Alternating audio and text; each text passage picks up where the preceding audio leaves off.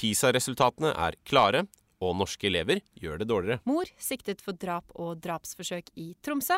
Kronprinsesse Mette-Marit møtte sexforbryter Jeffrey Epstein. Nesten halvparten bestilte kjøtt på Oslo kommunes vegetariske julebord. Og psykolog gir deg tips. Slik holder du ut med familien Jula. Jeg heter Synne, Jeg heter Steinar. og fra oss får du ukas viktige og ikke så viktige nyheter fra sol.no.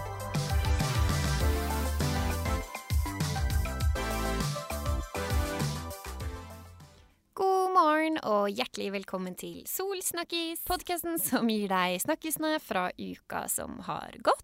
Denne uka så har jeg fått meg en ny partner her i podkaststudio. Steinar André Danielsen. Hei. Hei! Hva tenker du om dette? Det er deilig å ha fått sendt eh, Pernille på ferie og ta plassen hennes. Jeg gleder meg. Jeg gleder meg også veldig mye. Vi er eh, kommet til uke 49, og jula nærmer seg med stømskritt. Trær og julenisser har flyttet inn i mange hjem. Hvordan er du et julemenneske, Steinar? Ah, jeg skulle ønske jeg var litt mer julemenneske enn jeg er, altså. Jeg prøver liksom å tillegge meg eh, tradisjoner. Jeg så Love Actually for første gang her om dagen. For første gang? Ja, jeg vet den har stått på TV-en eh, tidligere, men jeg har aldri fulgt med. Så, men det er en bra film. Det er bra å starte på jula i hvert fall, og prøve å bli et mer eh, julemenneske. Eh, Jeg, jeg er kanskje litt for julemenneske for noen, eh, men det er ikke det vi skal snakke om nå. Vi skal jo oppsummere ukas nyheter. PISA-resultatene er klare. Tirsdag fikk vi vite hvordan norske 15-åringer gjør det i en internasjonal skoleundersøkelse. Og dessverre så ser det ut til at norske elever taper seg. Ja, undersøkelsen viser jo da at det er særlig gutta som sliter. Eh, Hver fjerde gutt ligger under kritisk grense for å kunne delta i jobb og videre utdanning. Men her om dagen Synne, så eh, så jeg du eh, sniktitte på en del av de oppgavene som Nettavisen har i sin sak fra denne PISA-testen. Og helt ærlig nå, husk at nissen hører deg. Hvordan gikk det? Jeg vet ikke helt om jeg skal skylde på at eh, det var en lang arbeidsdag, eh, lenge siden lunsj eller det faktum at jeg ikke er 15 år lenger, men eh, fy søren, det var vanskelig. det jeg titta litt selv, jeg skal innrømme det, og jeg skjønner at, at dette er vanskelig. Men du har jo data en mattelærer. Dette her bør være plankekjøring for deg. Må si jeg kanskje var opptatt av litt andre ting akkurat i den perioden. Jeg tenkte meg det, ja. Men fra spøk til alvor. Kunnskapsminister Jan Tore Sanner han uttaler til NTB at han eh, skulle ønske disse resultatene var eh, mer positive. Og han er særlig bekymret for eh, elevene som eh, presterer på de laveste nivåene. Jentene derimot, Synne, De gjør det bra. For første gang så presterer jo da jentene bedre enn gutta i alle de tre fagområdene. flinke jenter. Ja, absolutt. Lære gutta. Mandag kveld så går alarmen i Tromsø. Forbipasserende finner en forlatt barnevogn og fotspor i snøen som leder ned til sjøen. Eh, politiet varsles, kommer fort til stedet. Det ender med at eh, betjenter svømmer ut i sjøen og finner eh, fire livløse personer. Det viser seg senere denne kvelden at eh, en av disse fire er en ung jente i barneskolealder, og hun bekreftes død denne kvelden. Når vi kommer på jobb tirsdag morgen, så er det vanskelig å vite hva, hva er det som har skjedd her. Altså, det virker eh, utrolig dramatisk, og en tragedie som rammer Tromsø, men også resten av Norge. Vi hadde jo øh, som vaktsjefer også veldig mange spørsmål. Når du møter en sånn sak på morgenen, så er det mm, vanskelig å vite og skjønne og forstå. Det er det jo for alle. Men ja, hva som egentlig har skjedd, da. Ja, selv om politiet er eh, eh, flinke til å gi opplysninger, og mediene er maks på, så er det, er det flere spørsmål enn svar når noe sånt skjer. Litt ut på morgenkvisten eh, tirsdag så får vi vite at en kvinne i 20-årene også har mistet livet. Det viser seg at eh, dette er moren til den avdøde jenta, og de to andre barna som da er kritisk skadd. Det er en helt uvirkelig sak. Absolutt, og det prega jo mye av arbeidsdagen vår. Eller det har jo prega hele uka vår, egentlig. Og i likhet med andre medier så jakter jo vi utvikling i saken. Og allerede samme dag så siktes jo da denne moren for drap og drapsforsøk. Ja. Igjen sitter da en far med status som vitne og eh, to livstruende skadde barn, og et nærmiljø i sjokk. Til NRK uttaler familiens naboer, at det er eh, helt ufattelig det som har skjedd. Mandag denne uken avslørte Dagens Næringsliv at eh, kronprinsesse Mette-Marit møtte Jeffrey Epstein både hjemme hos ham og i Oslo, flere år etter at han tilsto seksuelle overgrep.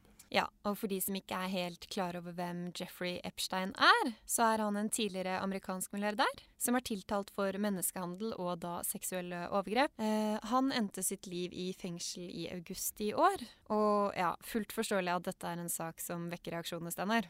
Ja, som eh, representant for den norske kongefamilien så må folk få lov til å reagere. Eh, dette er uh, kritikkverdig, og Dagens Næringsliv har fått en uttalelse fra Slottet hvor Mette-Marit beklager dette. Hun sier at hun burde undersøkt hans fortid nærmere, og beklager at hun ikke gjorde det. Og, hun, og hun legger da til at hun aldri ville hatt noe med han å gjøre hvis hun visste om alvorlighetsgraden i det her. Ja. Møtene de imellom skal jo ha foregått mellom 2011 og 2013. Og vi får nok egentlig aldri svar på hvor mye Mette-Marit egentlig visste den gangen. Men det er klart det er veldig viktig for henne å legge seg flat. Spesielt nå når hun har jobbet såpass mye med relaterte helsespørsmål som har gått ut på hvilke skader eh, seksuelle overgrep påfører barn og kvinner. Og det er jo grunn til å tro at hun også vil få lignende oppdrag da, i tiden som kommer. Absolutt. Kontakten med Epstein den ble da avsluttet i 2013, og det skal bl.a. være da fordi at uh, Mette-Marit opplevde at uh, Epstein prøvde da å bruke hennes forbindelser da, uh, overfor andre personer. følte seg på et eller annet vis utnytta, da. så 2013 skal være siste gang de hadde kontakt. Vi er i toppsesong for julebord, og Oslo kommune hadde sitt denne uka. Der ble det vel eh, reaksjoner allerede på forhånd? Det ble det. Her ble det bestemt at uh, hovedretten skulle være vegetarisk og bestå av bakt selleri, fennikel og stekt sopp. Og her jubla jo også MDG. Det gjorde de, og samtidig så har da Nasjonen, som har denne saken, de har da fått tak i altså hva Altså de har fått tak i listen over hva de forskjellige deltakerne på dette julebordet bestilte. Ja. Og det er jo interessant. Det er det. For når du på forhånd må gå inn og si ifra hvis du vil ha kjøtt, så er jo det ganske annerledes enn det har vært tidligere. For det har jo pleid å være eh, kjøtt eller tradisjonell juletallerken som er hovedretten. Og så må du ofte gå inn og bestille noe annet hvis du skal ha vegetar. Ja, og det var det de nå da snudde. Så vegetar er det du får, med mindre du ber om kjøtt. Og Synne, du har oversikten? Det har jeg. Fire av fem valgte bort vegetar, hvor da 68 valgte sellerien, valgte 118 kveite og 155 den tradisjonelle juletallerkenen. Det er uh, interessante tall.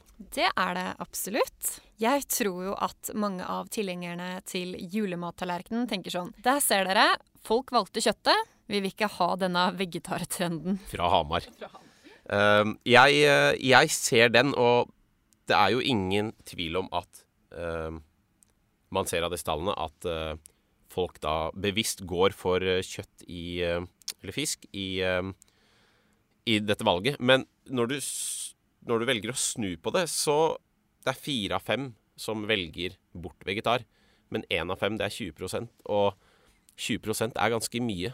Jeg tror aldri man har sett det for litt siden. Og jeg tror ikke man har sett det om man tilleggsvalget var vegetar. Nei, jeg er enig, og det er jo veldig positivt. Vegetar ble nok klart mer populært når de valgte å gjøre det på denne måten. Jeg synes det er um, Jeg er veldig glad i, um, i tradisjonell uh, julemat, og jeg er veldig glad i kjøtt. Prøver å spise mindre enn før. Du ler, men jeg, jeg gjør faktisk det. Men det skal sies at da Jeg synes dette tiltaket her er litt, uh, er litt spennende, altså. Jeg tror faktisk jeg kunne endt opp med å ta vegetar, bare for å prøve.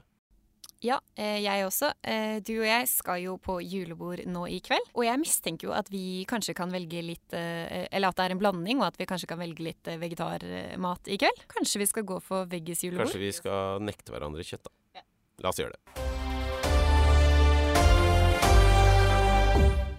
Du Synne, du som er så glad i julen.